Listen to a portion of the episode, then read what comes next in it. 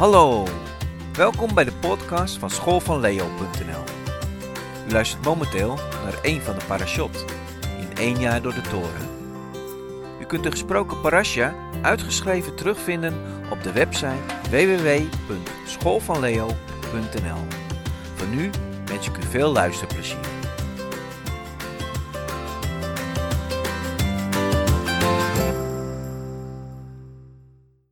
Deze week wordt Parasha Shelach behandeld. Het Bijbelgedeelte dat wordt gelezen is nummer 13 vers 1 tot en met nummer 15 vers 41. Het Bijbelgedeelte dat vanuit het Nieuwe Testament kan worden gelezen is Lucas 8 vers 43 tot en met 48. In Parasha Shelach zien we het patroon dat we vaker in andere parashot ook hebben gezien. Een geschiedenis welke wordt afgewisseld door een wet of verordening. In deze parasha gebeurt dit twee keer. A. De geschiedenis van de verspieders en het volk dat moordt. Dit lezen we in nummer 13 vers 1 tot en met nummer 14 vers 45. En B. De wetten van de verschillende offers en de zonde zonder opzet. Dat lezen we in nummer 15 vers 1 tot en met 31. En dan hebben we A-accent, de geschiedenis van een Sabbatschender. Dat kunnen we lezen in nummer 15 vers 32 tot en met vers 36. En B-accent, het bevel om de kwastjes aan de hoeken van hun kleding te maken. Dat lezen we in nummer 15 vers 37 tot en met vers 40. Zo'n structuur, A, B, A-accent, B-accent, noemen we ook wel parallelisme. Je zou denken dat het bevel om de kwastjes aan de hoeken van de kleding te maken, het B-accent, wordt gegeven vanwege de voorgaande geschiedenis van de Shabbatschender, A-accent. Vooral omdat de kwastjes als teken dienden. Wanneer de drager namelijk de kwastjes zag, werd hij herinnerd aan al de geboden van Yahweh, om die in acht te nemen. Door dit teken werd dus voorkomen dat de persoon de Shabbatsgebod zou overtreden, zoals bij de Shabbatschender. Toch wordt deze link door de schrift zelf niet direct gemaakt. Het mag dan wel zo zijn dat het Shabbatschender het Shabbatsgebod overtreedt, maar nergens lezen we dat Jaweh het bevel geeft om de kwastjes aan hun kleding te maken, vanwege de overtreding van dit gebod. Ook wat betreft de geschiedenis van de verspieders en het morden van het volk, dus A, en de wetten voor de verschillende offers en voor de zonde zonder opzet, B, lijkt er geen overduidelijke link met elkaar te zijn. Dat neemt niet weg dat het parallelisme gewoon kan blijven staan, maar binnen A en B en A-accent en B-accent zijn er verder geen verbanden. Daarmee kunnen we over op de orde van de dag. Zoals je denk ik inmiddels wel van mij gewend bent, is er net zoals bij alle vorige parashot, ook hier natuurlijk in parasha een verband te vinden. Deze ligt echter niet aan de oppervlakte. Hiervoor moeten we weer beroep doen op de grondtaal Hebreeuws. Er kan namelijk een verband worden gelegd tussen de geschiedenis van de verspieders en het morende volk A en het bevel om kwastjes aan de hoeken van de kleding te maken B-accent. De kwastjes aan elke hoek van de kleding wordt in het Hebreeuws tzitzit genoemd. In de geschiedenis van de verspieders komen we drie verschillende Hebreeuwse woorden tegen. Het Hebreeuwse woord toer, dat zeven keer voorkomt. En het Hebreeuwse woord toer betekent verkennen, rondtrekken. Het tweede Hebreeuwse woord is ureitum en betekent en jullie zullen zien. Het woord komt in de Torah drie keer voor, waarvan twee keer in deze parasha. Ik denk al wel dat je het raadt waar ze voorkomen. De eerste keer is ja precies in de geschiedenis van de verspieders in nummer 13 vers 18. Daar staat en ziet, ureitum, hoe het land is en of het volk dat erin woont sterk is of zwak, klein of talrijk. En het derde Hebreeuwse woord is senut en is afgeleid van het werkwoord sana en betekent overspel, ontucht plegen of afgoderij plegen.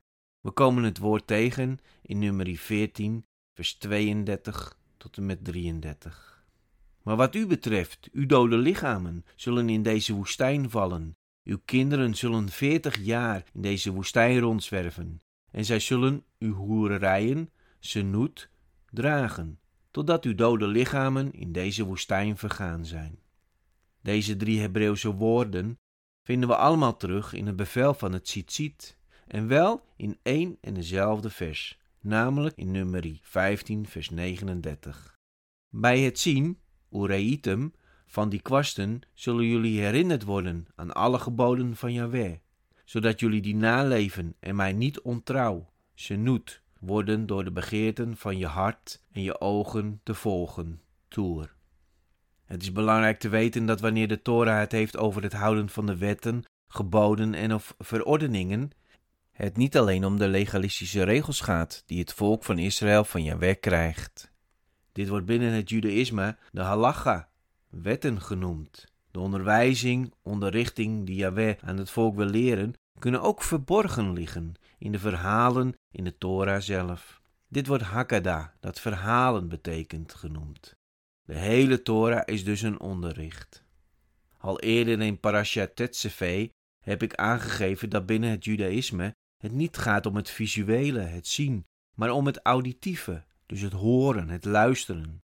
De reden hiervan is dat binnen het Judaïsme God niet gezien kan worden. Hij overstijgt namelijk het universum of de schepping. Het maken van een visuele voorstelling van God is het kenmerkende voorbeeld van afgoderij. Sowieso leidt het visueel maken, ongeacht persoon, voorwerp of zaak, uiteindelijk tot zonde in de Bijbel. Denk maar aan Eva, die zag dat de boom van kennis van goed en kwaad er begeerlijk uitzag. Of de Israëlieten, bij het kiezen van hun eerste koning keken ze naar zijn uiterlijk. Of David, die zichtbaar wilde hebben hoe groot het leger van Israël was. Deze voorbeelden hadden allemaal catastrofale gevolgen. Hetzelfde geldt voor de geschiedenis van de verspieders.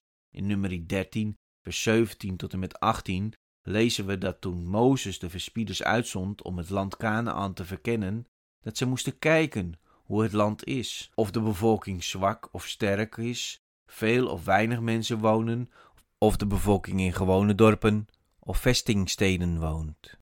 Allemaal alles gericht op het visuele dat tot een gevaar kon leiden. Dit bleek ook het geval. Tien van de twaalf verspieders bekeken tijdens het verspieden het land Canaan met hun eigen ogen. We kunnen dit lezen in nummer 13, vers 33.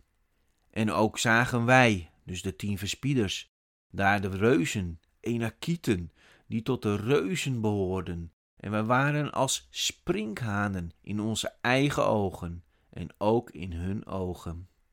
Het gevolg hiervan was dat zij heel het volk Israël meenamen in hun gemor en geklaag.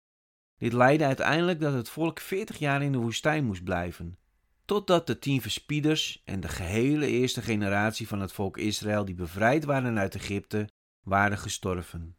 Wat een verschil met Joshua en Caleb.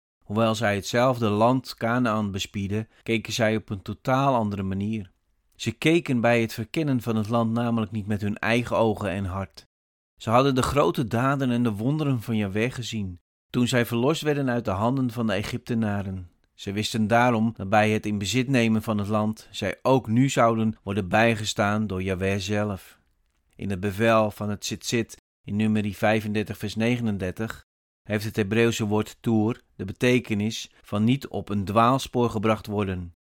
Een betere vertaling van het vers zou dus zijn: Bij het zien van de kwasten zullen jullie herinnerd worden aan alle geboden van Jahweh, zodat jullie die naleven en mij niet ontrouw worden door niet op een dwaalspoor gebracht te worden door je hart en je ogen. De tzitzit moest de Israëliet er dus aan herinneren dat hij niet dezelfde fout moest maken als de verspieders, maar ook dat hij besefte dat zijn eigen hart en eigen ogen hem op een dwaalspoor konden brengen. Zoals gezegd is de Torah constant sceptisch over kennis gebaseerd op verschijning. Niet voor niets is binnen het Judaïsme de ultieme handeling van geloof de Shema, dat luisteren horen betekent. In Deuteronomium 6 vers 4 Hoor Israël, de Heere is onze God, de Heere is één. Er is een geschiedenis in het Nieuwe Testament waarbij een bloedvloeiende vrouw door het aanraken van een van de tzitzit, dus de franje, het kwastje van het kleed van Jezus werd genezen. We kunnen deze geschiedenis lezen in Lucas 8, vers 43 tot en met 48. In vers 44 lezen we: En zij kwam van achteren tot hem en raakten de kwast, de tzitzit, van zijn kleed aan. en terstond hield haar vloeiing op. Wanneer deze vrouw zich alleen gericht had op haar omstandigheden, dan had ze waarschijnlijk niet naar het tzitzit van Jezus gegrepen.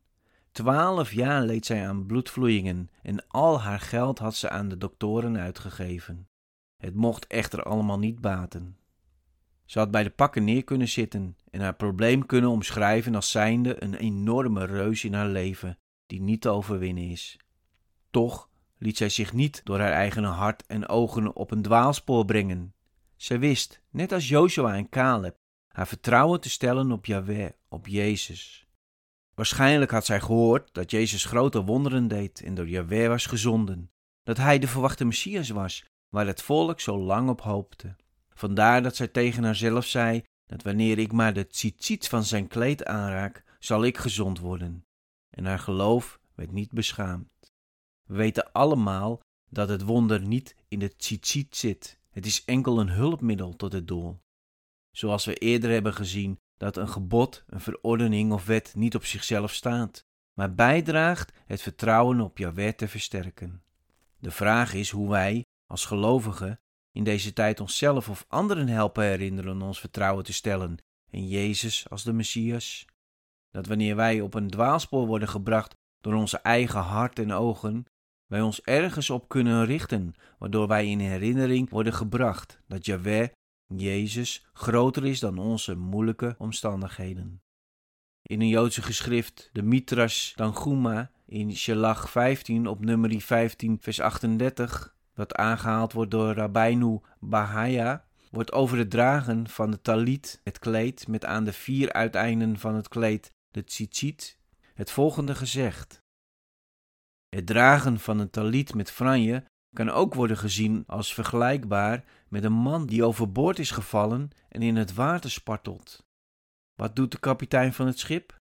Hij werpt hem een touw of reddingsboei toe om hem drijvende te houden, totdat hij weer naar het schip gebracht kan worden. De talit met de daaraan vastgemaakte tzitzit vervult een soortgelijke rol in ons leven, waarin wij voortdurend spartelen, ware het niet dat de Torah, dat wil zeggen de geboden van God, ons hulp bieden.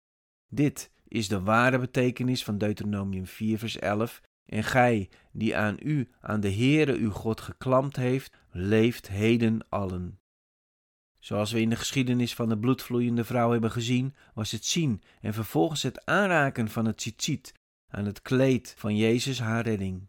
Niet omdat er in het tzitzit genezende kracht zat, maar omdat de vrouw door het tzitzit eraan werd herinnerd dat Jaweh groter is dan haar zichtbare situatie op dat moment en dat Jaweh haar in Jezus de Messias hulp bood.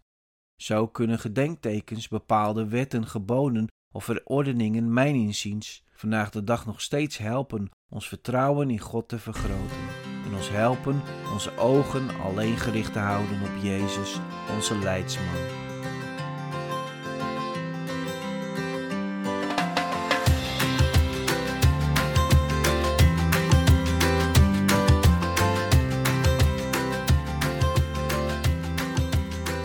Bedankt voor het luisteren naar de podcast schoolvanleo.nl.